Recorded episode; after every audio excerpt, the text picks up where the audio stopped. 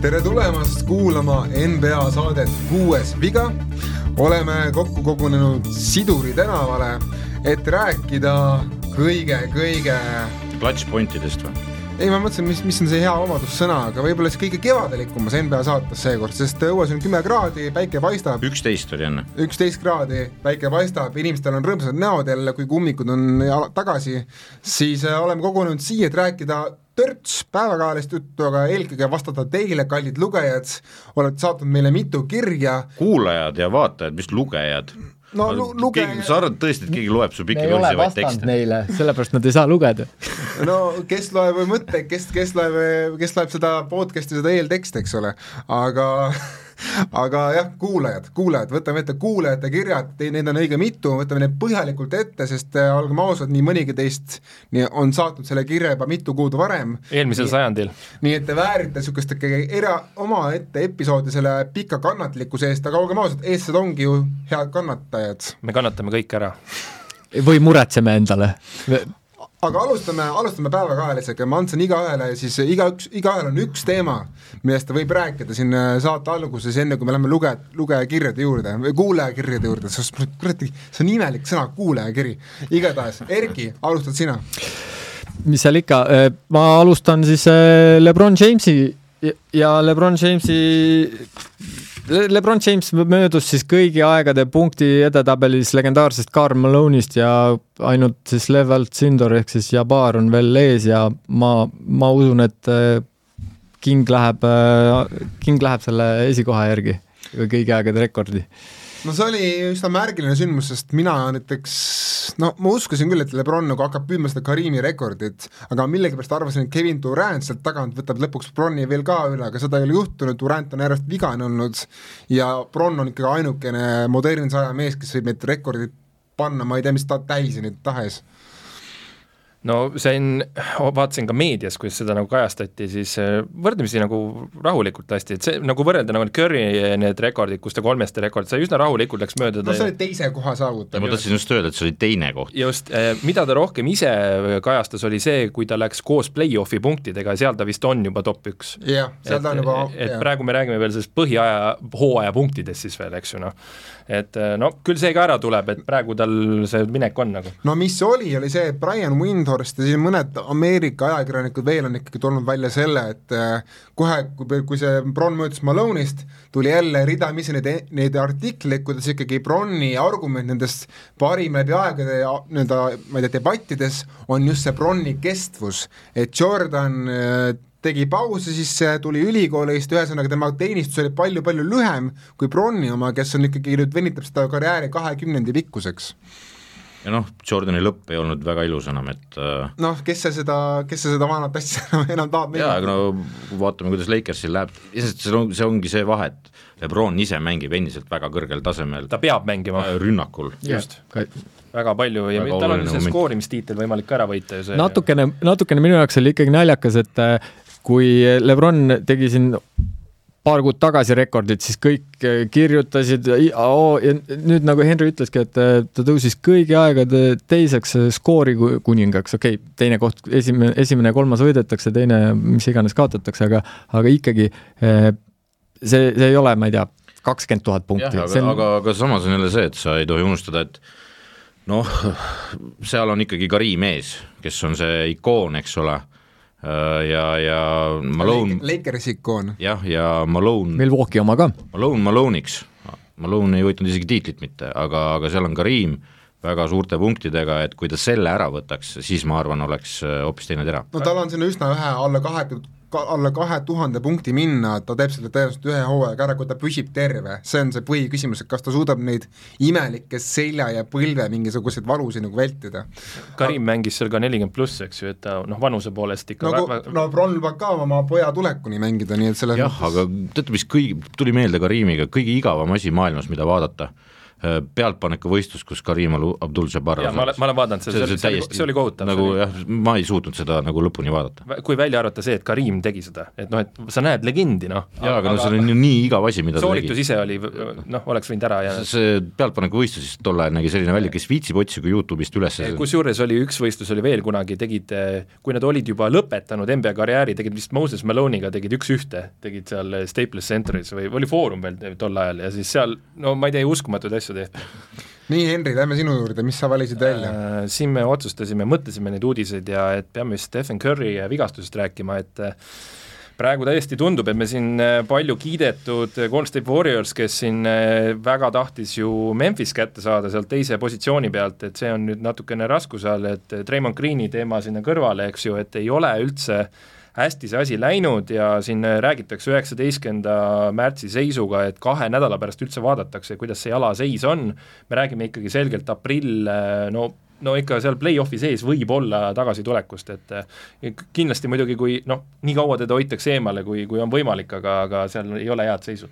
no esialgne raport oli jah see, et äh, Warrioril on optimismi rõhksõnal optimismi, et, et Curry tuleb tagasi avaraundiks, mis tegelikult ikkagi on natuke kurjakuulutav, et meil on optimismi, et midagi juhtub.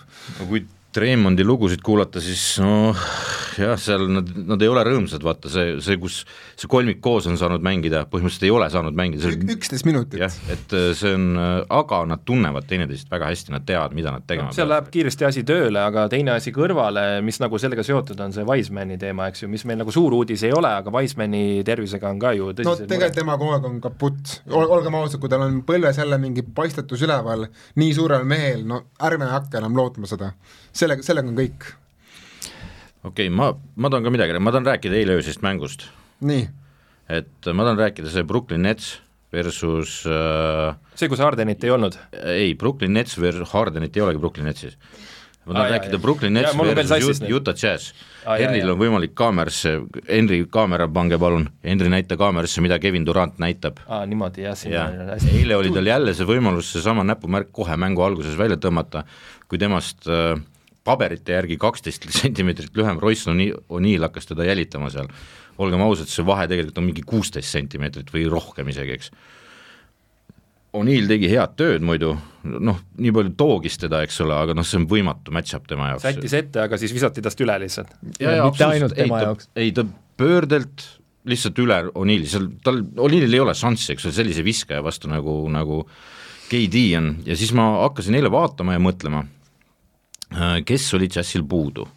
noh, Asu Puike oli puudu no,, Ojana oli puudu. Daniel House oli puudu. no aga ükski neist meestest ei ole näiteks selline, kes suudaks Kevin Duranti sugust pidurdada ja sealt tuleb mulle meelde kohe, et näiteks kui peaks Paks tulema välja uuesti ja, ja mina olen džässiga kokku, siis ei ole ka kedagi, kes Ante, Antete Kumbat pidurdab. et äh, endiselt äh, nagu väga suur mure on nende kaitsemäng džässil ja nad proovisid, noh, Quinn Snyder proovis nagu seal äh, kõike minu arust. Kogu menüü toodi välja.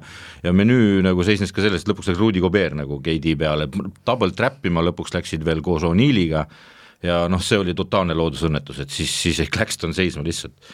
ja teine asi oli see, Brooklynis ei mänginud Kyrie Irving, Lamarcus Aldridge, Andre Drummond noh, Harrisega on nagunii teised lood, eks ole. kaks ja pool põhiviisiklast. ja, ja, ja, ja ja ütleme nii, et Seth Curry ei paukunud üldse eile, eks ole, ja, ja nad olid ikka püsti hädas selle Dragic tegi midagi või? Dragic tegi, Dragic tegi Dragicit, igasuguseid asju tegi Dragic seal. ta tegi päris palju traagikat ka mõlemalt poolt nagu natuke kolises, aga, aga ülirasked visked pani ära, eks ole mm. -hmm. et huvitav oli vaadata, vanamees toimetas nagu muiste et ta, ta on mingi koha ikka seal ju leidnud, et see, mis ta seal Torontos oleks olnud, see ei oleks võib-olla tal midagi noh ma arvan, et tal on mingi... ta ise ei tahtnud? ma, ma kardan, et tal on mingi, mingisugune soov seal Brooklynis praegu mängida ja mul, mulle tundub, et talle meeldib nagu, aga ma nägin ka seda, kuidas näiteks Keidi sai pahaseks eile ja, ja siis röökis üle selle saali seal neid sõnu, mida ma siin öelda ei taha, muidu Siim hakkab tsenseerima meid jälle. mul on vist selle hooaja limiit on ka täis jälle vist jah, ma ei tohi öelda neid ja aga aga mul jah, tekkis küsimusi selle, selle Utah Jazzi, nad mängisid teist õhtut järjest, okei okay.. no mängisid ka kolmandat mängu nelja õhtu jooksul. ei, neil oli laupäeval enne. No oligi pühapäev, esmaspäev ja oli, oli reede õhtu vastu laupäevani, neil on väga karm äh, graafik tegelikult viimasel ajal. ja ma just ütlen ka selle ära, et äh, mida mitte džässifännid nagu, nagu ma ei tea, libistavad üle või nagu ei pane või ei tea seda eriti hästi, meie siin, meie siin oleme Messengeris rääkinud sellest sadu tunde, aga aga mida, mida enamik ei tea, on lihtsalt see, et džässisüsteem on ikkagi üles ehitatud sellele, et iga mees, kes on seal top kaheksa meeste seas, rotatsiooni tuumik, kui üks mees võtta sealt ära, see, see kaardimaja kohe nagu logiseb päris mitmest kohast väga valusalt ja Bojan Bogdanovitš on ülioluline lüli selles süsteemis. jaa, aga mitte kaitses. mitte kaitses, aga tema, aga ta, ta on just niisugune piisavalt pikk mees, kes lihtsalt äh, saab võtta natukene O'Neillilt seda koormust vähemaks. jaa, aga ma ütlen, O'Neill ei ole see mees, kes peaks nelja peal toimetama tegelikult. no loomulikult mitte, tegelikult on see Daniel House, kellel on pikkus ka ja kellel on ei ole House, ei ole House'il pikkust. ei ole, ei ole, mis asja sa räägid? tal on keha, ta, ta, ta on, ta on väiksem versioon PJ Tuckerist, Houstonist me nägime seda. jaa, aga ta me, ei, ta ei suuda ei Jannist ega Keidid mitte mingit, noh, Keidid ei suuda keegi. Keidid ei suuda keegi. ja Jannist ei suuda ka mitte keegi, selles mõttes, et nagu no Jannise puhul on vaja nagu vaata Miami Heat mõtles selle välja. no mõtles üks aasta, mõtle, mõtles üks aasta välja, mis järgmine aasta sai, Janis tormas sellest asjast üle. siis on äh, üks asi, mis muidugi selles mängus silma torkas, et kuidas tegelikult ruineeriti Kubeer ära. ja Claxton oli tol päeval selgelt parem mees no muidugi ma ütlen Koberti kaitseks seda, et Kobert tegelikult mängib läbi pisivigastuse praegu, et panna teine õhtu järjest otsa pärast väga rasket õhtu Madison Square'is, no see ei ole lihtne pikale prantslasele no,. samas jälle ma tahaks nagu Claxtonit ülistada, kes on yeah. äh, tõesti hea, nagu ja Claxtonit olen ka näinud, jah. üksteist poiss ja noh, ta pani Koberi postrile eile ja see käis, see, selleks, et panna Robert postrile, nagu sa, sa pead, sul peavad need perekonnajuveelid olema terasest nagu Zelenskil enam-vähem, et see, see on nagu väga julm tegu ja ta võttis selle ette ja ta tegi selle ära, eks ole. Et äh, aga siin ongi see lingering teema, et kui palju see segab, et Collinsiga vist on sama teema, et seal ei, ei saa vist seda momenti nagu äh, noh, alahinnata, et eh, nagu seal eh, ongi ju Collinsil tuli välja, et me mõtlesime, miks ta ei mängi nii hästi ja siis tuli välja, et tal on mingi tõsisem häda, eks ju. jah, John Collins Atlanta Hawksist ja temal on selguski, et ta oli pool hooaega mängida, mängida, mängida läbi põlvevigastuse, siis oligi noh, vaatasin iseendale otsa, et appi, Oliver, et sa ei tea mitte, mitte midagi NBA-st, et sa, et sa arvad, et mees on terve, tegelikult ma ei tea, mees paneb, ma ei tea, noh, küünarnukk on umbes niisuguse, ma ei tea lahases. jah lahases ja mängib edasi, et selles mõttes kiitus Collinsile, et üldse nagu tahtis mängida läbi selle vigastuse. kas keegi Netsist rääkides, keegi Ben Simmonsist tahtis rääkida või? Ben Simmonsiga uudis ütleb siis, et selleks hooajaks on kõik, tegu on seljadiskiga ja, ja ja nad otsustasid, et ta see hooaeg äh, tõenäoliselt ei mängi, see oli muidugi öeldud äh, noh, sellises kõneviisis inglise keeles, et see ei ole nagu sada protsenti kindel aga tõenäosus, et ta ei mängi, on pigem, pigem ei mängi üldse. see Steve Nash poliitiliselt korrektselt ei, see ei olnud Steve Nash, oli nende PR-i inimene, kes, kes siis selle lause kokku pani selliselt, et, et press selle all neelas. aga, aga ei no ta töllerdab seal platsi ääres ja, ja tundub nagu tuju on hea aga, aga noh, diskivärk on, on raske asi, et sellega tuleb korralikult keegi oskab, kust see tuleb, niisugune vigastus üldse, kui sa üldse mänginud ei ole nagu? no istumisest täitsa lõpp, noh. tenniseväljaku ääres. ei, aga kusjuures noh, ma arvan, et paljud ei mäleta seda, aga Simmons oli juba kaks tuhat üheksateist, kaheksateist aastatel, ma mäletan, kui oli need seeriad Raptorsiga, juba siis öeldi, et Simmonsil on mingid äh, nii-öelda recurring äh, back problems, et tegelikult see on ikkagi mingisuguse ikkagi väikse ajalooga asi, nii et see, see, see võib täitsa muutuda mingi krooniliseks asjaks, kui seda praegu korralikult ei ravita välja okei okay,, aga lähme siis selle tähtsa osa juurde, mida Oota, siis mul, mul on ka üks teema. sul ei ole häid teemasid? mul on hea teema, ma mõtlesin, et räägin Nuggetsist, aga ma ei hakka rääkima, et noh, seal on asjad selged, tõenäoliselt Murry ikkagi ei, tule tagasi, Porter Junior on niisugune fifty-sixty aga ma tahtsin rääkida sellest, et tegelikult on meil mehed ju nüüd teada, need kakskümmend tiimi, kes hakkavad läbi play-in'i ja play-off'i siis võitlema NBA tiitli nimel. Spurs on nagu igaveseks väljas nüüd või? Suht raske on näha, et Spurs seda Lakersist ära võtab. ma ka eile nagu panin numbreid ritta ja, ja noh, minu, minu numbrid ütlesid, et, et Henry on oma rahast ilma. ma arvan küll, et, et kuigi ma vaatasin seda graafikut, siis Lakersil on ikka meeletult palju raskem graafik kui Spurs, Spursil tuleb kolm korda Portland nüüd no see on päris kõva argument jah, aga no Lakers on suutnud jälle üllatada lambist, eks ole. samas, kui nad sealt kolmest seda kolme kätte ei saa, siis ei no et see Golden State'i võit oli nüüd nagu suur avanss või nagu no seal natuke kohtunikud aitasid ka vist, et seal oli, aga no see oli tõsine niisugune võit, mida nüüd, nüüd nad peavad jah, need järgmised ära võtma lihtsalt, aga väga raske, neil on kaks, kaks mängu Pelicansist maas ja siis põhimõtteliselt Spurs peab super hästi mängima ja Lakers super, super halvasti. ah, kas ma ühte asja võin öelda? Washington Wizards saks nagu. Lõpuks ometi, ma olen öelnud, ma olen seda hooaja algusest öelnud, et saate aru, see treid, mis viis mingi KCP-d ja Kus-, Kusmat ja Harrelit Wizardsisse, see ei aidanud seda tiimi tegelikult. ma, kas, kas on võimalik, et meie režissöör näitab seda särki, mis seal se-, seina peal on korraks, paneb selle peale, eks ju, ja siis äh, ma tahaks öelda, et see mees mängib jumala normaalselt kusjuures. jaa, tema mängib tema hästi. mängib jumala normaalselt, aga, aga nagu ülejäänud bänd ei kannata üldse kriitikat, nad annavad lambi mänge ära, see, mis eile öösel juhtus ka. illustreerin, kakskümmend viis punkti, kolmteist lauda, viis plokki pani see mees ja mu-, lihtsalt tantsid mängu ära, noh. ja millise paki veel, milline pakk lõpuks nagu. ja nad olid kahekümne, kahekümnega olid ees. ja, ja terve mäng oli vau, kõik oli jumala hästi ja siis pläraki, vaatad järsku skoori. Ja aga järgmises, ma arvan, et järgmises saates hakkame siis võtma kokku nagu va- vaikselt nende tiimide hooaegu, kes on lõpetanud hooaja, ehk siis võtame enne, e-, kõige esimesena võtame ette need tanktiimid ja siis need tiimid, kes äh, läbi, läbi play-in'i kaotasid oma, oma võimalused ära selleks hooajaks. nii, aga kas nüüd siis lähme siis selle osa juurde, lähme. et, et need inimesed, inimesed on meid kuulanud ühesõnaga, eelmist saadet ka vaadanud ja kirjutanud meile usinasti. Just, ja kusjuures ma pean tunnistama, et äh, et terve saade sellele pühendada on hea, sellepärast et need asjad, mis meile saadeti, olid nagu hullult asjalikud seal need mehed olid mõelnud, et inimene oli, jaa, ei, selles mõttes keegi ei olnud lahminud midagi nagu leeritüdruk lilledega, vaid see oli nagu fännibaas on fookusega, noh, siin ja ei, selles mõttes inimesed teadsid, millest nad kirjutasid, see ja, ja head teemad olid. meil on väike fännklubi, aga meil on väga andunud fännklubi, kes, mitte, mitte fännklubi, aga ütleme, kuulajad, kes jagavad asja. jaa, ei, jagavad biiti, see küsimustest oli seda näha juba. Et äh, ma võingi võib-olla alustada, no tegelikult me juba eelmisel sa-, eelmises saates tegime algust ja lahkasime sealt, kus sa pooleli jäid. just, et sealt, kus jäi pooleli, et Ander Markus kirjutas meile, et äh, ma isegi loen ette, et jõudu, härrad, esiteks mehed, ülikõva asi, mida iganädalaselt teete, NBA podcast on iganädalane maiuspala.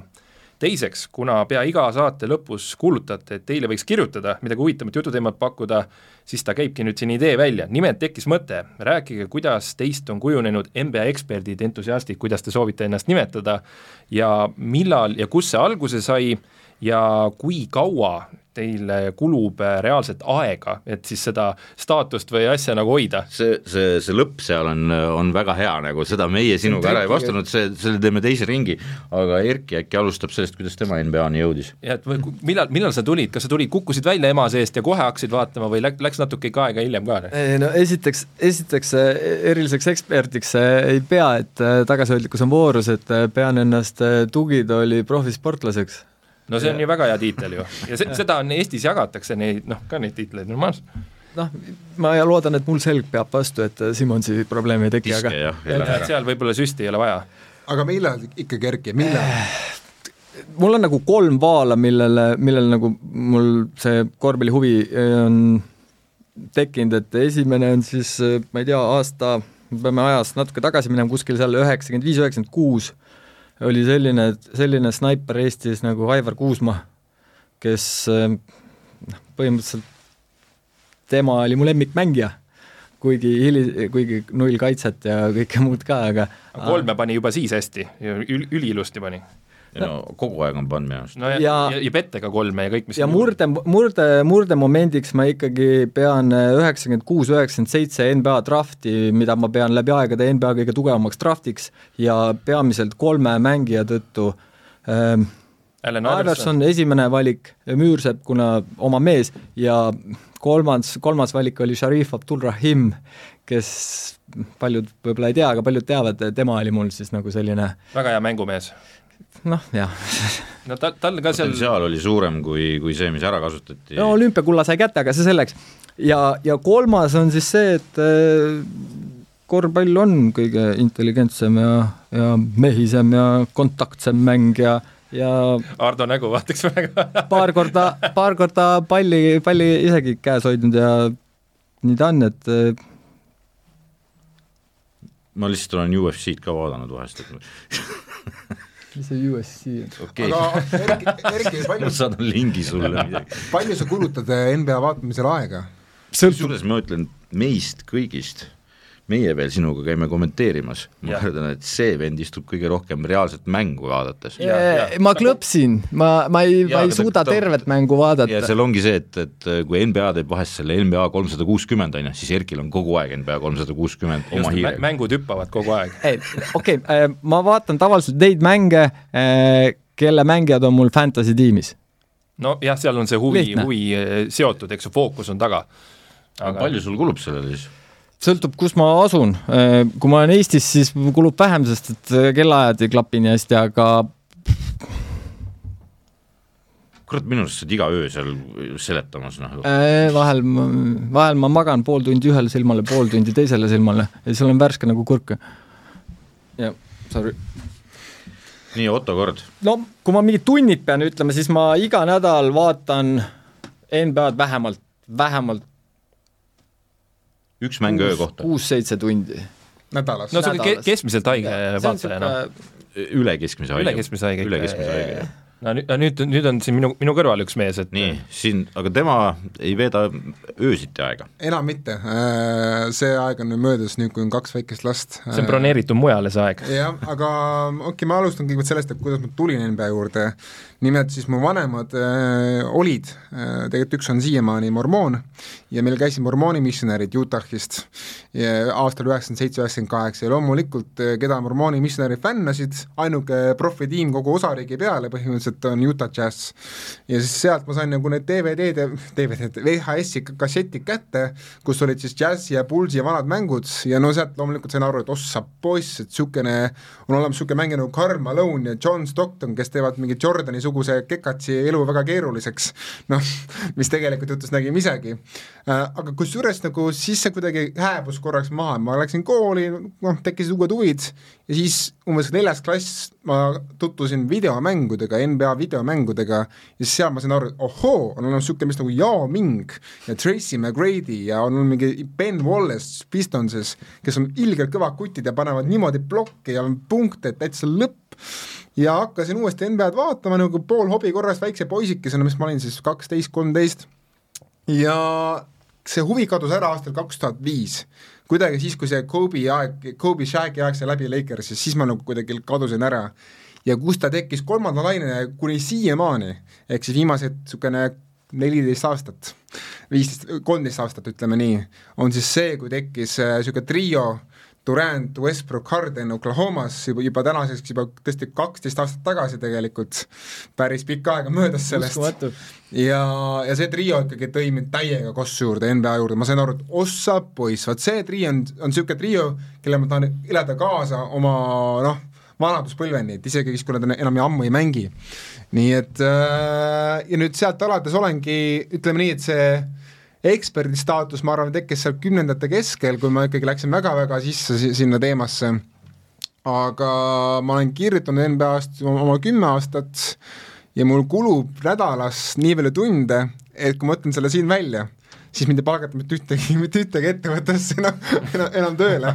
nii et äh, ma ütlen, ma ütlen julgelt, et see number on üle kahekümne nädalas, et äh, ma tarbin nagu kõiksugu videoid, teksti, ma vaatan mänge päevasel ajal järgi, nii palju kui võimalik seda teha ja selle kõrvalt ma üritan olla tore pereisa ja pro-, pro-, produktiivne töötaja aga need asjad saab ju siduda, vaata eelmises, esimeses saates, mis me nüüd tegime videos, me ju nägime, need asjad saab siduda ilusti, väga rahulikult. jah, aga, aga mu kõige uhkem enda alasem saavutus, mis ma arvan, mis võib-olla see eksperdi staatus, võib-olla niisugune so-so, et täname kuidagi täname ekspert, niisugune pooleldi sõimusõna, aga see, et me teeme tol ajal Andri Kiige ja noh, tegelikult suuresti Marko Kaljuveeri toetusel tõime NBA eestikeelse kommentaari tagasi Eesti tele-eetrisse, sealt siis Kalev Kruus võttis selle NBA enda peale ja siit alates me naudime Ardo ja Henri ja Siimu Sem- Semiskari kommentaare siis viies noh, mis on see, öelge nüüd see kanal, kanali nimi. TV3 Sport, TV, TV3 Sport jah, et äh, aitäh Marko, Marko Kaljuveer ja kiitus ka Hando Tombergile, kes oma, omal ajal alustas selle pioneerina. tema tegi selle ukse lahti tegelikult, tegelikult tegi selle ukse lahti mürka, ütleme nii, aga seal just, just. aga Indri, nüüd siis sinu saladuste laekast, me teame, kust sa tulid selle NBA juurde, aga see tunnid, no ma tunnid eh, ma ise üritan kontrollida just samal põhjusel, et eh, ikka tööandja lahti ei laseks, et ta on kursis selle asjaga, et ma, ma nagu tegelen sellise asjaga ja ta kiitis meie selle podcast'i ja väga toetav ja ta ütles, paneks mingi logo siia, vaata, ma selle peale veel mõtlen, eks ju. aga et eh, noh, need sponsorid, näed, siin on ruumi küll, näed igale poole võib siia panna, kirjutage meile kuues viga, et gmail.com, eks ju, loeme kirjad ette ka. aga ütleme, see tundide arv, noh, kaks-kolm mängu fookusega ja siis üleüldine niisugune no fantasy Fantasy'ga sa vaatad, no iga hommik sa Ä vaatad, eks ju. kui me tundidest rääkisime, siis see, see mingi viis-kuus-seitse tundi ongi, näiteks mina vaatan korvpalli, aga kui me nüüd Fantasy juurde paneme, siis tund päevas okei okay,, võib-olla tund on liialdatud, aga pool tundi minimaalselt. no ütleme, kui sa võtadki fokusseeritud aeg ja siis see üleüldine, sa kogu aeg ju vaatad silmanurgast ja tulevad ju need Twitteri pop-up'id ja sa oled teemas sees, et see on minu fookus, teisi spordialasid ma vaatan väiksema fookusega, ma olen mingi feed'i endale tekitanud, ma vaatan loomulikult ka, mis seal Euroliigas, mis seal võib-olla Eestis ringi, noh, tööalaselt puutun kokku ka siin nende Eesti-Läti liigade ja VTB, VTB muidugi on nüüd põlu all täielikult, aga noh, lihtsalt pead olema teemas sees, aga tõsi on, et kui sa NBA-d täielikult nagu jälgid, siis lihtsalt ei jää muuks aega, noh et sa oled seal sees ja siis chat'id meil, me seal ka ju tänu meestele, et te jagate neid asju ka, et ei jõua kõike jälgida. sest no mul on niimoodi, et mul on selle, selle tööga, mida me teeme, eks ole, see on kuskil kaks-kolm mängu nädalas, oleme nädalas siis, see on ise juba äh, turske üheksa tundi ma olen loobunud, põhimõtteliselt ma pühi, pühapäevasi vahest proovin vaadata, aga, aga mitte alati. Äh, nüüd mul on värske laps, on ju, nagu Ottolgi siin, et tema sünniga ma lõpetasin ära oma igahommikuse traditsiooni, mis mul oli aastaid, panin käima telekast Youtube'i ja hommikul vaatan kõikide mängude highlights'id ära, mis on kümneminutilised. et ma vaatasin kõik need läbi ja ei vaadanud enne ühtegi skoori ESPN-ist, sest ma tahtsin seda highlightsi nautida nagu. Vaatasin mingisuguste, mul oli see noh, see League Pass loomulikult, eks, ja, ja noh, mingid, mingid meeskonnad, et tahtsin näha mingeid mängijaid, siis ma vaatasin öösiti mänge ka loomulikult. aga, aga nüüd, kui see, see nagu töö on, siis ma ei, ma ei vaata lisaks nagu mänge, ma, ma täismänge, ma lihtsalt ei.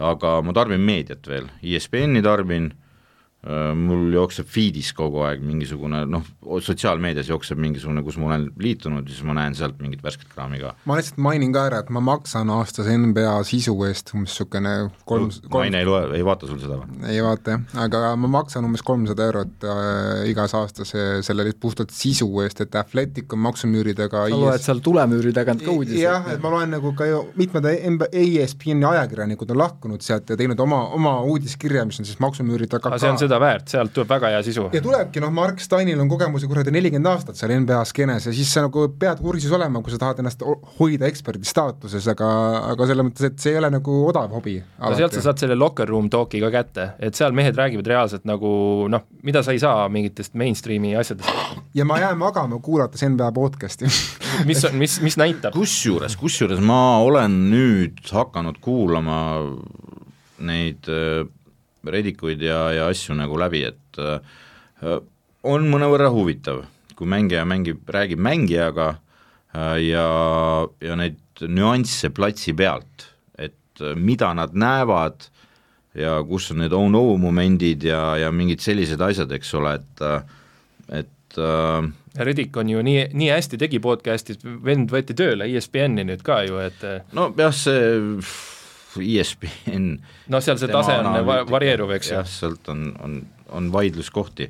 aga lähme edasi mingisuguste kirjadega. ma korraks läheks veel tagasi, et eh, kui Otto ütles, et peale seda, kui Kobe ja Shaq lõpetasid, siis ka minul oli väike niisugune, eh, NBA ei olnud enam nagu nii, ma ei vaadanud NBA-d nii palju, kui seal üheksakümnendate lõpus ja kahe tuhandendate alguses, eh, ehk siis see periood peale seda Lakersi triipbeat'i siis tõusis nagu ma hakkasin ka Euroliigat vaatama, tänasel päeval sisuliselt ei vaata. ma ei jõua, ma, ma tead, ma sisuliselt null. ma vaatasin Euroliigat ja ma tõesti vaatasin nagu hingega vaatasin, elasin Salgerisele kaasa nagu meie kõik, eks ole, ja ja ma mingi hetk, ma lihtsalt ei jaksanud enam, sest et äh, seda, seda asja läks nagu liiga paljuks. et see, et NBA ja siis veel Euroliiga ma vaatan muidugi poole silmaga, mul nagu sinulgi tõenäoliselt jooksevad need uudised, eks ole, kogu aeg endale ka, et mida ma näen sealt aga, aga ma ei jaksa, see, see väike laps ka veel, ma lihtsalt, see, see on nagu nii käest ära, et oleks me miljardärid või, või siis no tõsised miljonärid, siis me vaataks ainult korvpalli. Äh, rubla miljonärid. Ei, see ei maksa midagi. Aga see, see Kobe ja Shakiga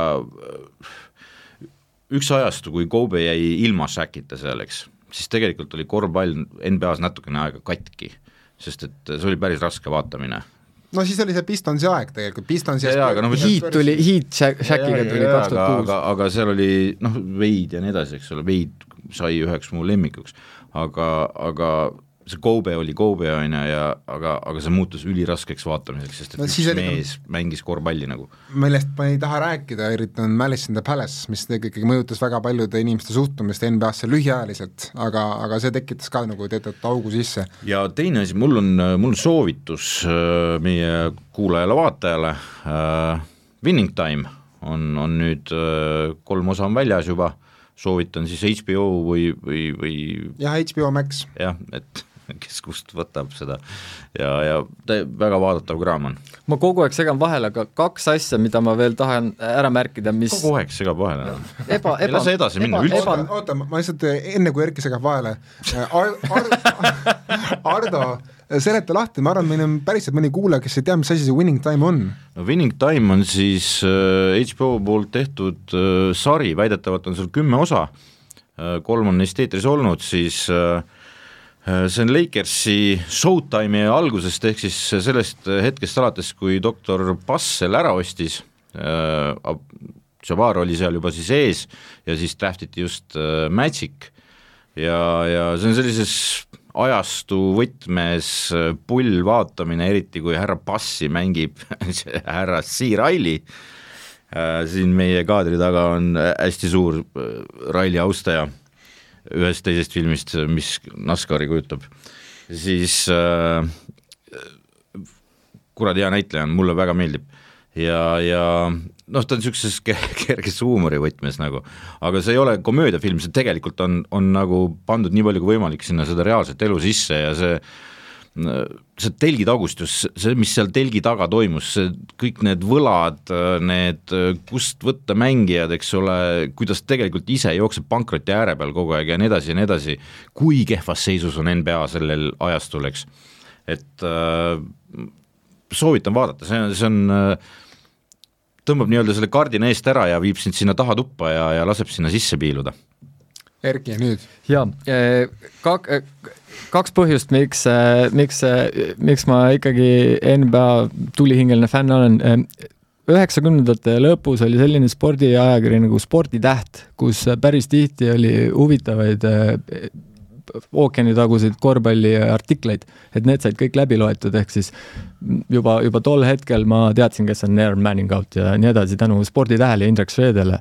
ja, ja väga-väga-väga-väga suur põhjus ja, ja mu hobi on korvpallikaardid, et ma olen korvpallikaartidega nüüd juba, ma ei tea, rohkem kui kaks kümnendit tegutsenud ja, ja kogunud, tähendab, ja, ja see üheksakümmend kuus, kui see nii-öelda meie jaoks draft, kus meie oma mees sai NBA-sse, et selle järgnev periood oli väga huvitav, sest et eurooplasi küll sai NBA-sse, aga neid ei olnud seal nii palju. aga siis juba kaks tuhat neli, siis kui Kobe, Shaq laiali läksid, siis oli igas satsis oli vähemalt mingisugune eurooplane, keskpärane kährik olemas, eks. et, et siis ei olnud enam nagu nii, noh, mida sa, jah. ma, ma segan ka veel vahele, ma tahtsin öelda, et see vaataja-kuulaja, kes äh, ei tea mitte midagi fantasy liigadest ja nii edasi, siis kui need kolm omavahel mingit juttu räägivad ja minul ainult silmad pilguvad, seepärast ma ei saa mitte midagi aru, ma ei tea, mis asi on mingi freaking fantasy liigad ja, ja ma ei tea, mis asjad, Erki ainult selles maailmas elabki minu arust, mul kõik ööd läbi ta istub ja, ja siis hommikul ta kirjutab, kuidas ta mingeid mehi oh, vahetab. jess, keegi sai laua juurde, jess. Te ei ole üksi selles. alatu laim, aga lähme edasi. mina olen ka seal. nii, meil on küsimusi veel, Erki, Henri, too ette nüüd vaatame tõesti võib-olla natukene spetsiifilisem küsimus, aga mul juba siin kuklas natukene hakkas kerima, et Mark Olav kirjutab, et tere, kas oleks võimalik rohkem süvitsi rääkida ka erinevate treenerite taktikatest ja selle sobivusest mängijatega? ja sealt edasi, et kuidas meeskonna staarid seda omaks võtavad, kuidas dünaamika töötab seal, sisekliima et eh, noh, see treenerite ja mängijate sobivus. Ja mulle kohe hakkas Utah Jazziga natukene siin see teema nagu kerima, sest minu arust me rääkisime seda ka, eh, kuidas eh, vist hiljuti väga avalikult rääkis Gobert oma rollist noh, TPOi, eks ju, nagu parim kaitsemängija, kuidas Snyder teda aitab selles, et, et seal on sellised äh, kindlad treenerid on vaata, kes panevad nagu selle lisa, lisa nagu äh, momendi nagu nähtavalt juurde nagu. no on treenerid, kellel, kellel on oma käekiri ja on treenerid, kes käituvad mängijate käekirja järgi, minu arust on nagu kuidagi üsnagi selgelt eristatavad ja need, kes, kellel on oma käekiri, üldiselt nemad ikkagi jäävad liigasse ka pikemaks ajaks ja on kuidagi nagu rohkem äratuntavamad, et noh, alates Erik Spolstrast Miami'st ja lõpetades Mike D'Antoniga, kes tänaseks on nõustaja, äkki, äh, kuhu ta nüüd läks Äh, D'Antoni, kus ta nüüd on, ta tuli, Netsist tuli ära vist ja kuhu ta läkski, mul praegu, mul, ma jään ka vastu praegu võlgu. ühesõnaga, et on olemas niisugused legendaarsed treenerid, kes on jäänud püsima pikkadeks aastateks ja kellele, kelle mängu vaadates sa kohe arvad, okei okay,, see, see kutt on nagu selle satsi treener. põhimõtteliselt võib öelda, et kas sa oled Pat Riley või sa oled Voogel jah, kusjuures mul on kas sa oled kindla käega või sa oled niisugune äh, tal-?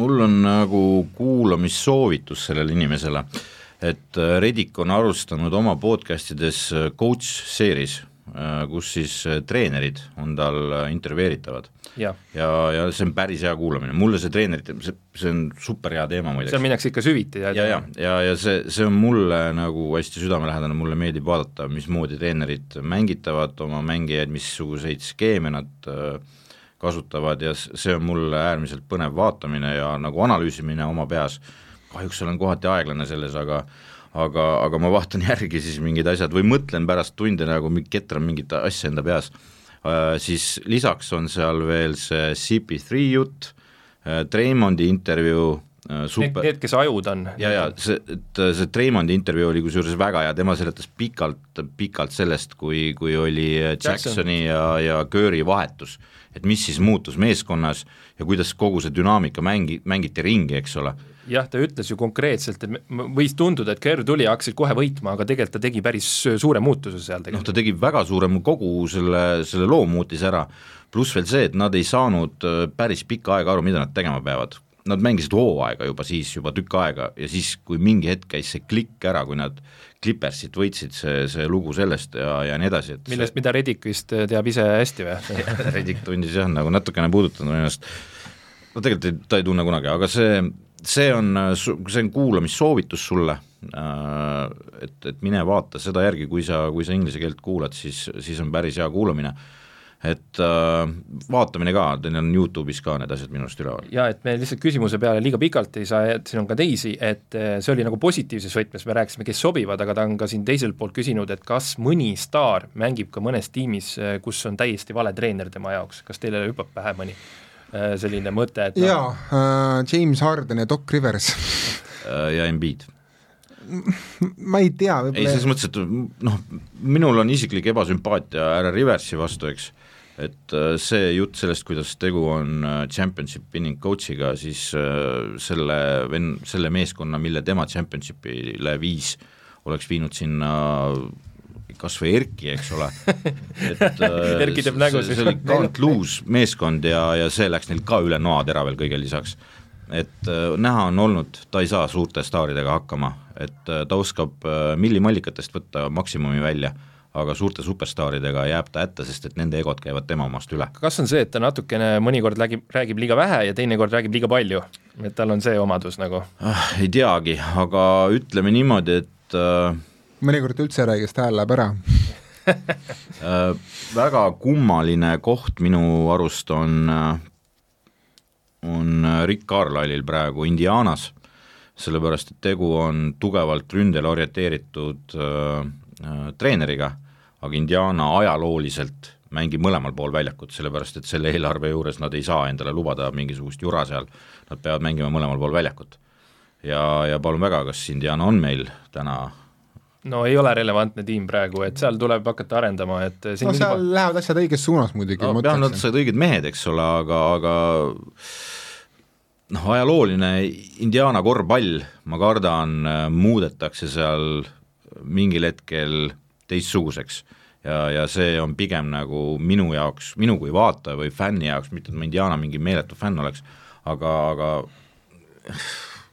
not so good no viimane kiire remark on see treenerite teemal, et eh, NBA-s teatavasti pole mingisugust relegation süsteemit või mingisugust nii-öelda kuigi räägitakse sellest. mingisugust karistussanktsioone, kui su peamänedžer teeb endast olenevalt kõik, et su tiim kaotaks, et äh, et selle, see, seetõttu nagu tundub mõnikord nagu kehvi tiimi vaadates, et seal pole mingisugust nagu loogikat, mingisugust süsteemsust ja see ongi sellepärast, et neil treeneritel on nii-öelda justkui luksus keskenduda ainult mingi paari mängi arendamisele, et, et teda ei huvitagi see teamplay, teda huvitab see, et need kaks andekat kutti, et neist kasvaksid nagu põhi, nii-öelda talad tuleviku jaoks. ja ülejäänud kümme kutti, noh, NBA-s on kohti, töökohti küll. jah, ja teine asi, mida ma tahaks nagu siinkohal öelda, et äh, ei tasu üle tähtsustada peatreenerit. treenereid on NBA-s seal mängu ajal on juba kohal üksteist, neid istub kaks rida reaalselt seal, on need, kes istuvad läpakad süles ja muudkui kirjutavad andmeid üles ja nii edasi ja nii edasi, igalühel on oma ülesanne kätte antud. peatreener on see, kes selle teatri seal ees maha mängib. aga, aga seal taustal käib hoopis teine mäng, pluss äh, tihtipeale GM ja, ja peatreener üldse ei töötagi omavahel koos, GM-i arust on see lihtsalt tema alluv ja tema paneb meeskonna kokku. ja siis see küsimus, vaata, et äh, kas mõni mängija on seal, kus ta ei peaks olema mingi treeneri juures, see ei ole emba-kumba üldse otsustada, selle otsuse on teinud GM nende eest ära ja nad, nad peavad selle süsteemi kuidagi toimima saama. et, äh, et NBA-s see GM-i tähtsus on ülioluline äh,, Ujiri oli väga hea näide sellest, eks ole. no Torontoga tegi, mis tahtis, no te, kõva töö on seal taga, eks ju. et Nick Nurse, noh, parem ikka kui, kui, kui Dwayne Casey, ma ütleksin muidugi. Aga, aga kuule, meil on veel küsimusi ja, ja aega on ikkagi vähe, nii et lähme edasi. igatahes väga hea küsimus, seda, see paneb mõtlema, vaata, ajukurud hakkasid jah, me peame võib-olla rohkem nagu, see oli ka see, see küsimus oli võib-olla küsitud ideega, et kas me tulevikus võime nagu vaadata, kui me räägime mingitest mängudest, ja meil on tulemas, ma luban, meil on tulemas play-off ides on vähe tihedamalt äh, lugusid siit meie poolt, et siis äh, proovime vaadata ka selle poole pealt, et mis nüüd äh, treenerid, treener versus treener, mis juhtus, sellepärast et mäletame, mullis oli see, see Toronto versus Celtics äh, lahing, kus nagu male käis, see oli jõhker vaatamine, see oli lihtsalt nii super, et äh, ehk siis me integreerime neid küsimuste ideesid näiteks äh, saatekülalistele oma teemade rubriikidesse, et siit me saame ma laiendaks seda küsimust veel ka nagu võib-olla selle nurga alt, et paljudel puhkudel on mängija, kes saab nii-öelda all-star'i ühe treeneri all ja siis läheb mõne teise treeneri käe alla ja siis on täiesti suvaline pingiharje. et on ka, on ka selliseid juhtumeid. on ka neid näiteid jah, täpselt. nii, aga edasi Äh, siin äh, natukene küsimusega jäime hiljaks, aga põhimõtteliselt Westbrooki teema, et kui trade deadline oli, et kuhu ta saaks üldse minna, aga see on relevantne ka praegu, et siin Ottoga siin juba arutasime seda omavahel, et äh, mis üldse hakkab saama Westbrookiga võib-olla siin off-season'il, et no me näeme, see ei ole ilus, mis seal meedia ja selle asjaga toimub, et no mitte ainult meedia, vaid ka mängijad, kas, kas te nägite, mida Timberwolvesi mängijad tegid Westbrookiga omavahelises mängus või? no alandamine põhimõtteliselt. Beverly ja Towns ja kõik need kutid, need otseses mõttes alandasid platsi peal Westbrooki ja nagu näib, tegid mingi meeme ja mingi vaatasid, et kus see tuul puhub, on mingi seal saalis, et et selles mõttes see oli ikka päris inetu.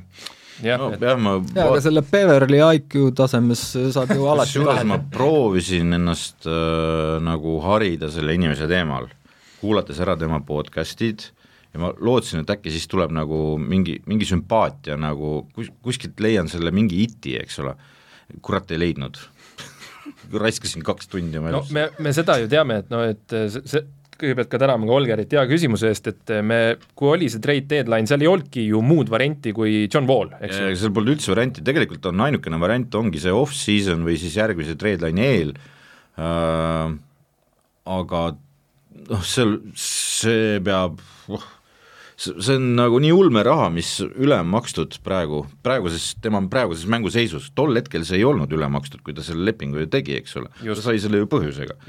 aga, aga praeguses ajahetkes see meeskond peab mitte tahtma äh, Westbrooki ennast, kes tema vahetab, vaid äh, seal on teised tagamaad. seda saab ka natukene eelmise küsimusega siduda, et me ju teame, nad nüüd juba põhimõtteliselt teame, kuidas see oli, et GM või tahtis võib-olla Lakersisse tuua üldse Buddy Hieldi, aga siis äh, kodanik Lebron James ja Anthony Davis ütlesid, et me peame Westbrooki saama. Et noh, mängijad no, sekkusid. Nad said pea, peatreeneril oli sõnaõigus siis, et jah, noh, peatreener, le GM, le coach, äh, Lebron, et seal, seal on natukene siis Jordaniga ühiseid jooni, et Jordani need esimesed drafti valikud ei olnud ka kõige paremad, et noh, seal natuke peab kolistama. kusjuures väidetavalt Jordan Pulsi ajal mitte kunagi ei sekkunud sellesse protsessi jah, jah. ma tean, et see on vähetõenäoline, aga siiski, kui Lakers play-in'i ajal kuidagi suudab saada sinna play-off'i avaraundi ja seal Westbrook teeb ma ei ütle, et head sooritused, aga okeid sooritused, siis on võimalik teda ikkagi müüa, ma arvan, sellel suvel, sest tal on ainult üks aasta lepingut järel ja võib-olla keegi nagu noh, kui annab piki kaasa, siis, siis võib-olla nagu võetakse asi, asi ära. noh, teine asi on see äh,, Lakers ei ole veel kuskile kadunud, et ärgem unustagem, Lakers ei ole kuskile kadunud ja, ja tsiteerides siis Treon Greeni, kes on piisavalt saanud äh, Lebroni vastu mängida, kes ütles siis, et äh, sõbrad, et niikaua mina selle mehe vastu ei panusta, kuni ta ei ole kaotanud oma neljandat mängu. et uh, unustage ära kõik need jutud blablabla bla, bla, et noh, Lebron paha ja nii edasi, niikaua, kui ta ei ole play-off'is kaotanud neljandat mängu, ei ole mõtet Lebroni vastu panustada. Et... ja seda ta on ka siin näidanud, et võib viiskümmend panna järjest ja pole küsimus, eks ju.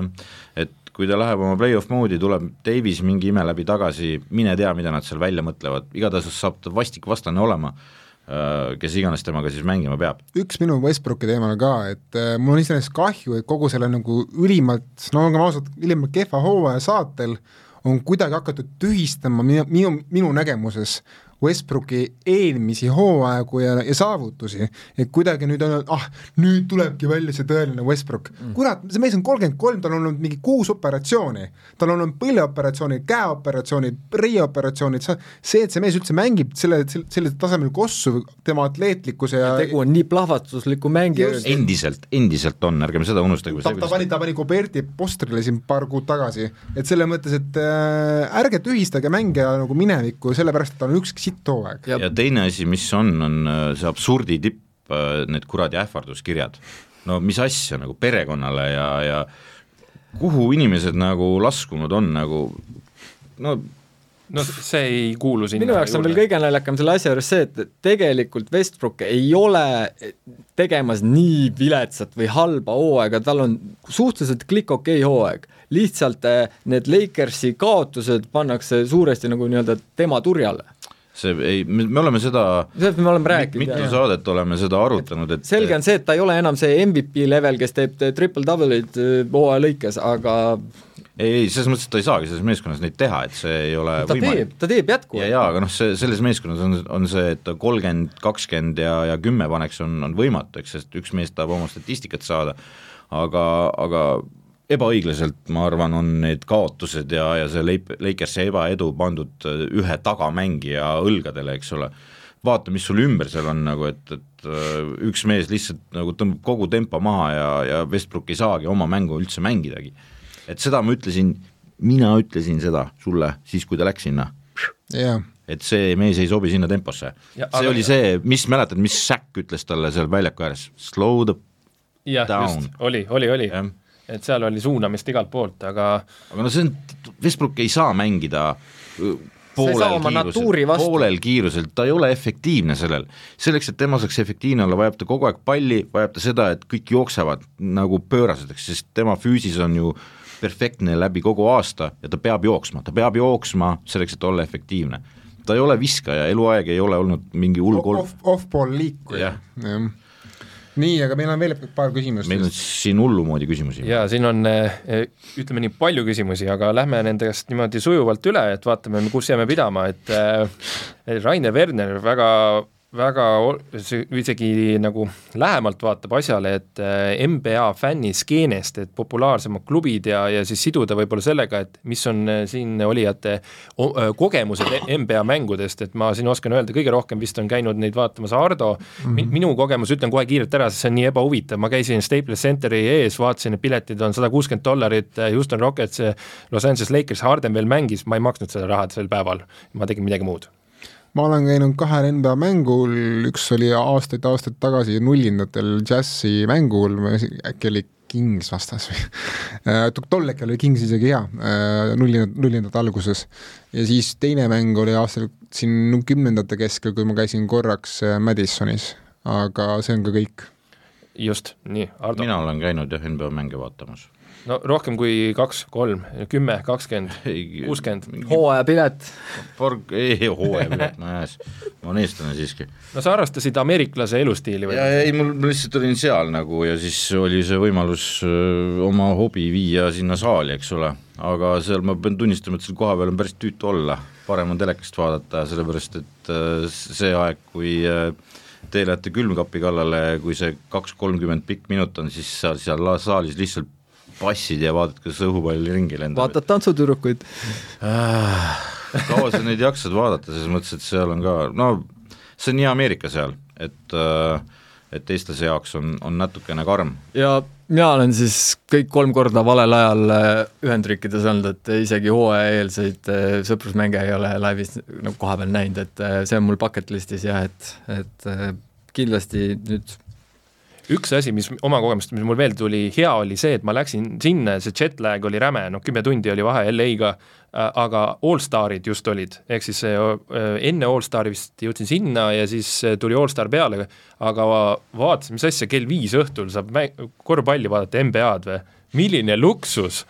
Ei peagi öösel üleval olema, et see ja. oli minu jaoks nagu mul on ka see, see oli väga mõnus, ma olin seal selle äh, Bronni äh, ja Kairi selle kolm-üks tagasituleku ajal ah.. ja, ja sain kogu selle vaadata seal telekas ära no,. said osaks NBA ajaloost. jah, no ma ei saanud ühelgi neil mängudel käia, aga, aga ma vaatasin neid mõnuga telekast, et äh, väga hea oli. no siinkohal mõned tervitussõnad ka neile eestlastele, kes töötavad Taist või Austraaliast ja kes vaatavad mänge kell kümme hommikul, ma olen nii kuradi kade teie peale, et teil on tegelikult sul on endiselt see tööandja võib vaadata seda saadet otseselt ei no mõtle, sa alustad mängu vaatamist kell kümme hommikul, sa lõpetad kell neli, kell neli õhtul ära, tegelikult ideaalne. no ühesõnaga, kui me miljonärideks või siis miljardärideks saame, me lähme sinna kuhugi ajatsooni ja sealt vaatame siis.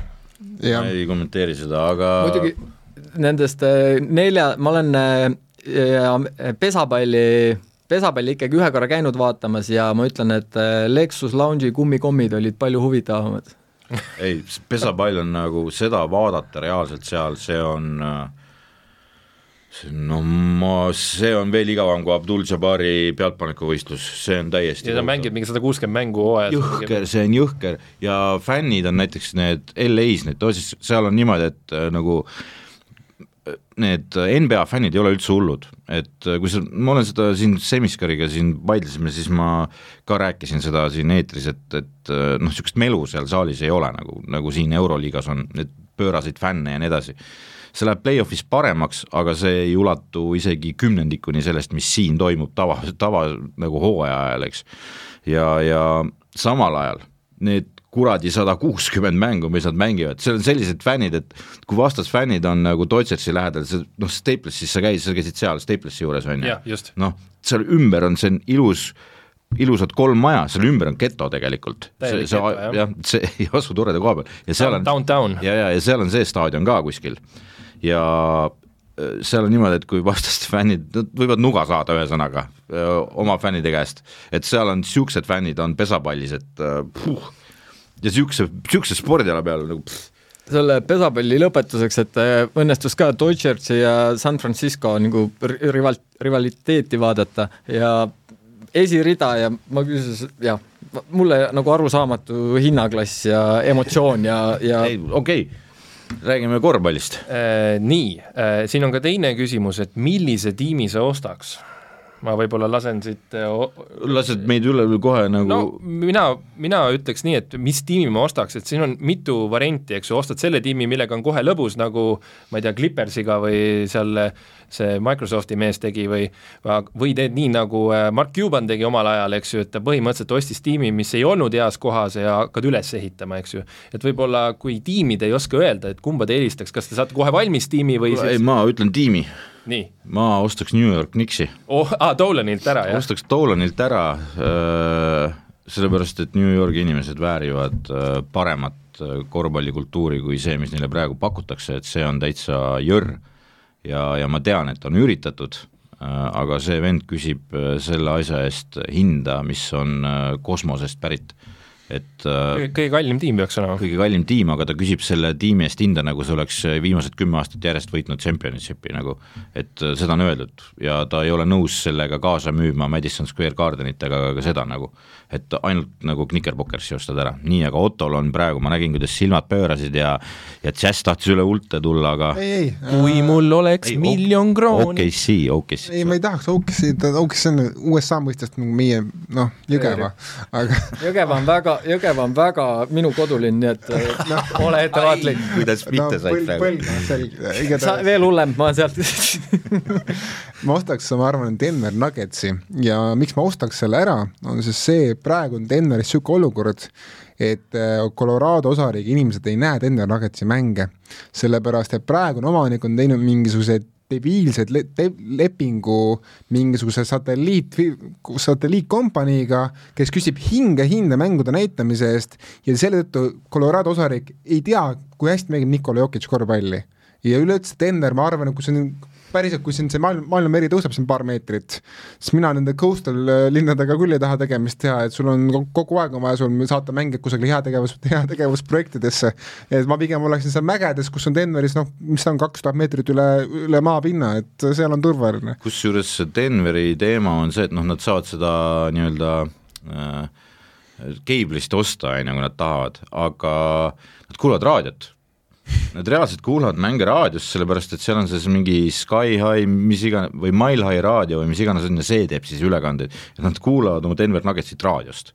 et äh, aasta siis on meil mis et omamoodi täiesti on nii, see aga fännikultuur. nüüd siis kuulame, kuidas Warriorsi ostuks kohe läheb. Eh, mul pole kahjuks nii palju seda krõbisevat, aga, aga reaalselt rääkides, kui ma noh, fantaseerime, ma läheksin kas Vancouveriga eh, või siis, ma, ma jaa, Vancouveri, Vancouveri klubi ostaks või, või siis mida, mida sa selle klubiga või... teed? sa ei saa, sul ei ole ühtegi NBA mängijat seal isegi mis sa teed seal Vancouveris? Eh, sinna on väga lihtne mängijaid meelitada, sest et Kanada maksusüsteem on eh, märksa soo-, kasu-. vastupidi, vastupidi, Erki. ei, ma siin natuke aitan, ta läks selline fantaasiamaailma, vaata minu näiteks reaalselt, mis ma mõtlesin, kui ma saaksin selle õigusega klubi, et Seattle'is hakkab nüüd yeah. Äh, supersooniks uuesti, vot seda tahaks küll. okei okay,, ja kui, kui see, kui see on see tingimus, siis ma saan aru, aga, aga ei, no, isegi ei, see seda... küsimus on üsna lahtine, et vaata, võtad tiimi siin viisaastaku plaanid ja, ja et kuidas nagu paremaks teha, eks ju, ja kõike sinna juurde, ma, siis mina nagu vastasin enda jaoks ära, et tõenäoliselt ma valmis tiimiga, see ei pakuks mulle mingit kaifi. ehitad üles, arened koos meestega, sul tekivad võib-olla mingid äh, sõprussuhted, loomulikult ma ei oleks see hands-on omanik äh, nagu Cuban, no võib-olla oleks, ma ei tea, aga mina võtaks sel juhul Vegase juba mis palju pole lõbusam. minu point oli nagu see, et äh, nagu Henri ütles, et nagu arendaks ise ja ma leian, et Kanadal võiks olla teine klubi, on see siis Vancouver või Ottawa või Edmonton, vahet ei ole, või Quebec, et okei okay,, need jäävad sinna ida poole, et pigem nagu nii-öelda Lääne, Lääne-Kanadas võiks olla üks klubi, et see oli mu mõte ja, ja see on uus klubi, siis peadki nagu ise nii-öelda rohujuure tasandilt al alustama. aga lähme edasi. Rainer küsis ka veel, et eh, tiitli võiduta tiimidest, kes võidab esimesena ja, ja Netsi on ta välistanud, sest see on nagu liht-, liiga lihtne pakkumine. ma, kusjuures ma ütleks praegu küll ei ole. Nets on tulnud meistriks, aga aba meistriks ja,. jah, jah, aga no Suns ma arvan ka, et Ottol praegu nagu lõi naelapea pihta just paugu ära, et et sel hooajal ainukene tiim, kes on olnud stabiilselt alati väga-väga heal tasemel ja nad, ja nad äh, mängivad iga stiili vastu efektiivselt, et neil on iga, igasuguse erisuguse vastase jaoks olemas mingisugune va- vastukäik. samas ma ütleks, et nad iga aasta tugevad on, sest et enne seda bubble'it nad ju olid tä-, või noh, okei okay,, nad ei tankinud, aga Ei, Chris Paul. Kü- küsite, kellel on parim võimalus vist äh, saada tiitel? nojah, et esimesena, kes võiks võita nendest, kes meil praegu võtta on, nendest klubidest, kes ei ole NBA meistriks tulnud. just, et jah, noh, no aga neid on, mis meil on siis, kolm No, tükki on laual, ütleme ausalt. Jazz on ka või? Jazz on laual ja meil on äh, Nets veel laual, eks, et nemad kolmekesi seal no. Memphis teoreetiliselt on ka laual. veel mitte. ja oota, Nix on Nix on väljas, Nix on väljas, jah. ja Nixil on tiitel olemas. Seitsekümnendatest, kaks tükki. jah. aga ma mõtlen, kas idas on ka kõik, kelle me praegu unustame ära või? seal on, meil on, Nets on, on ju, aga eesotsas on kõigil olemas seal ju.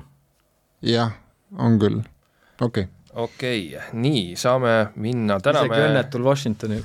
õnnetul Washingtonil ka, täname küsimuse eest Rainerilt, mitu küsimust lausa siin oli, ja siin siis äh, Tammo Puura küsib meie käest, meil, meil Tammosid on siin ka rohkem, aga igaks juhuks tegi, tegin äh, selgeks, kõik tammod on fännid. just, kõik vaatavad korvpalli ja NBA korvpalli, ossa kui pikk kiri. et see on pikem kiri, aga äh, äh, ma püüangi nagu siin selleni olla, et mis see tuum on?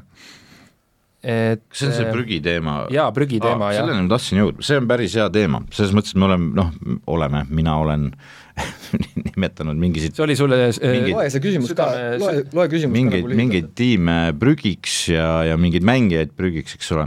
see on ajendatud, okei okay,, see tiimi asi on jah, need tänkivad tiimid äh, minu jaoks äh, see, kui sa tängid tiimiga, see ei ole õige minu arust, see, see ei ole, see ei ole sport, noh. et sa, sul on noored mängijad, kes, kes peavad ära harjuma seda, kaotamisega seda on teinud kõik NBA tiimid ja, ja aga see ei ole õige, see, see peab kuidagi muutuma, see oli ka mul mingi ettepanek seal, et kuidas saaks NBA-d paremaks muuta. aga, aga mängijate puhul öö, tänasel, miks ma nagu pahandan selle peale, kui mingisugused täisjopskid seal mängivad? Ma pahandan sellepärast, et meil on reaalselt kurat jumala hea põlvkond praegu, meil on tõesti potentsiaalikad mängijad ja nemad mängivad kuskil mujal ja siis ma vaatan, seal mängib vend, kes ei, no ei kanna ära no mitte ühestki otsast, ei seda ega Euroliigat ega mitte midagi ei kanna ära, aeg on minna koju või G-liigasse. aga, ja siis ma mõtlen, et ja meie kutt mängib vot seal. et äh, ma tahan lihtsalt väga, et eestlane saaks no võib-olla ei ole, võib-olla ei ole taibukas seda kõike nagu roosade eestlaste prillidega vaadata, et NBA-s ikkagi tegelikult nagu neil peab olema mingi level ja seal on kõik mäng, kõik oskavad tegelikult mängida, aga või lihtsalt oskasid ja siin oli ka teine see üleskutse pool, et äh, võib-olla noh, me seda oleme ka natuke teinud, aga oota, kas ma saan kirjast õigesti aru, et me, meiega pahandate, et me nimet- nimetame inimesi prügimängijateks? no ei, siin on rohkem see fookus, et äh, me võib-olla käsitleks rohkem ka neid tagu, tagumise poole ja meeskondi. aga sellest on meil järgmine kord juttu. just, et äh, meil on tegelikult küll neid tiime, mis on nagu südamelähedased, lihtne on alati rääkida sellest, mis on see headlines, eks ju, aga ma arvan, et see on täitsa rubriik meie jaoks, et meeskonnad, mis viie aasta no see tuleb järgmises saates ette, sest Jah. nende, nende tiimide hooaeg saab läbi. just, et eh, si- see küsimus, kuna ta oli tegelikult, eh, võib ka siin anda auhinna esimene küsimus meile, kõige esimene küsimus, nii et eh, siin Tammole eh, tuleb ka kiitusi jagada, et eh, me hakkame järjest rohkem jah, sellest rääkima nüüd, lihtsalt paratamatult ka hooaja lõikes. ja teine asi, mida ta vist küsis, oli see või, või palus, et me ei räägiks kogu aeg oma lemmikmeeskondadest. just, just, no see, Et, see, see äh, oht on ongi jah, olemas. et me kogu aeg see on nagu Erki, ma vaatan, Warriors, siis äh, Jazz, OKC, aga ma olen ikka džässi hoidnud tagasi nii palju kui võimalik no.. no see ei ole hästi välja tulnud sul. see, sina võtad seda üles rohkem kui mina. jaa, ma lihtsalt tahan nagu puid alla panna, et No no, mulle Tallase- meeldib näha, kui sa ärritud nagu. Tallasega me oleme ju tagasi tõmmanud peale seda treidi, vaata, nüüd, nüüd nii suurt armastust enam ei ole. ei, ega me ei ole ka Tallasele väga, me oleme nagu tagasihoidlikud, vahepeal oli nagu ebaõiglaselt palju sai New York Knicks nagu no, aega. Lakers sai, on saanud kõige rohkem, ma arvan. Jaa, aga kelle lemmikmeeskond meie laua tagant siin on Lakers, ei ole ju tegelikult. jah, ja Lakers äh, lihtsalt noh, hooaja alguses olid ju favoriidid number üks ja, ja kaks olid Nets ja Lakers, meile ja. nii, nii esitleti neid. Äh, no kõige koloriitsem meeskond. koloriitsem, et mm -hmm. aga jah, järjest rohkem saame rääkida. ma oskan öelda, seda Warriorsi eri hakkab siis olema üle saate, et mitte iga saade, et oleme, oleme, oleme lep-, oleme kokku ja mina räägin Rudi Gobertist ka vähem aga küsimused on otsas, nii et äh, kas mõni pakilisem teema veel meil on äh, rääkimata midagi? no ütleme uuesti, et saatke veel küsimusi, selles mõttes, et ega see, et me praegu lugesime nad kõik ette, ei tähenda, et äh, nüüd enam me ei lugenud tegelikult kõike ette, ta läks natukene üle ka sealt osadest asjadest. just, just, just. et ega see ei tähenda, et me ülejäänutele nüüd ei vastaks või, või jätaks vastamata, et saatke ikka edasi neid kuuesiga.gmail.com ja me, nagu, nagu te näete praegu, mingil hetkel me loeme nad ikkagi ette ja vastame neile. ja see annab ka meile ideesid, sest me mõni hetk me isegi lausa vaidleme, et millest me nüüd räägime, vaata, sest need ühel hetkel on väga palju teemasid, teisel hetkel on vähem teemasid. see on paras hea väljakutse ka Siim Semiskaril hakata tootma kuuenda vea selle CVI-ga mingisugused nänni, et anda kuulajat, kuulajatele ka mingisugust nänni. vimpel, vimpel vimpel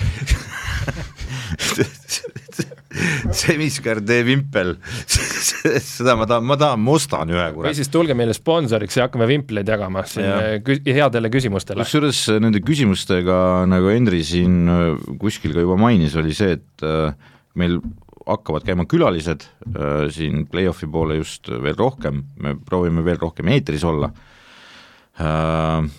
et anda nagu tihedamat ülevaadet play-off'ide ajal räägime, ja teine siis kodustega räägime läbi. jah, ja, ja teine siin see, et me neid samu küsimusi osasid äh, kasutame ka nende saatekülaliste peal, et just, just. seal olid äh, mõned niisugused isiklikuks minevad teemad. just, no, no näiteks sellega võib ju alati alustada, et millal NBA-d hakkasid vaatama ja, ja palju sul aega kulub ja, ja noh, see on niisugune väga hea ju niisugune asi, mida inimeselt küsida vot. aga ongi vist kõik ja aa, me peame, peaks ütlema, et me salvestame seda saadet ka kakskümmend kaks seda sa pead alguses ütlema. Äh, kakskümmend kaks märts peaks olema nüüd see kakskümmend kaks märts jaa, et äh, siin otsustavad hetked äh, toimuvad, aga kahe aga..., kaheksateist päeva on NBA põhjooaja lõpuni. ma vaatasin, et viiel tiimil oli reaalselt E-täht juures juba, et need on eliminated tänase seisuga. iseenesest ainult viiel. ainult viiel, jah. aga tegelikult on juba, on olemas mõlemas konverentsis teada, kes ei saa isegi play-in'i. jah, aga vaadake neid meeskondi, mis asuvad selle joone peal, mitte play-in'i joone, noh seal, ma mõtlen play-in'i ja play-off'i vahelise joone juures, seal on mõlemal konverentsil on niisugune neljane punt ja ühes on net sees. jah, ühes on Mavericks ja, ja Nuggets ja Jazz on isegi seal sees ja, ja nii edasi. nagu puntras iseenesest. et äh, vaadake neid mänge, mida need meeskonnad mängivad sest et seal äh, läheb jagelemiseks, keegi neist ei taha joone alla kukkuda, Nuggets kusjuures kukkus vist joone alla praegu. et äh, see oli päris, päris huvitav juhtumine ja, ja seal läheb andmiseks, sest et keegi ei taha olla seal. Kõik tahavad seda hetke puhkust saada. et jumala eest, ärge vaadake siin märtsikuu lõpus ega aprilli alguses Pistons Magic äh, mängu, kus Sadiq Bey paneb viiskümmend üks punkti, et et, et jätke need mängud vahele, sest nii te võib-olla pettute natuke NBA-s, kui te ei ole hardcore fännid.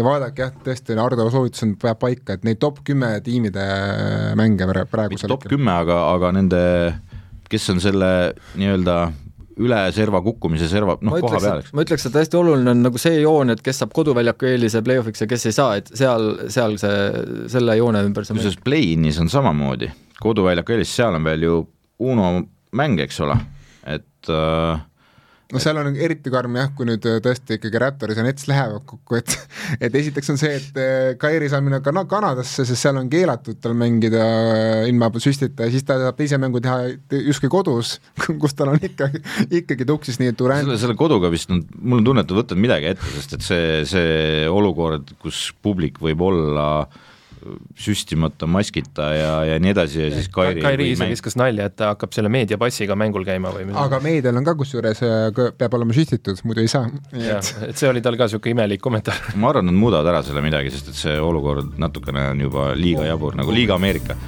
nii, aga nüüd vaatame sinna ülesse kõik. täname kuulamast ja lehva-lehva. tšau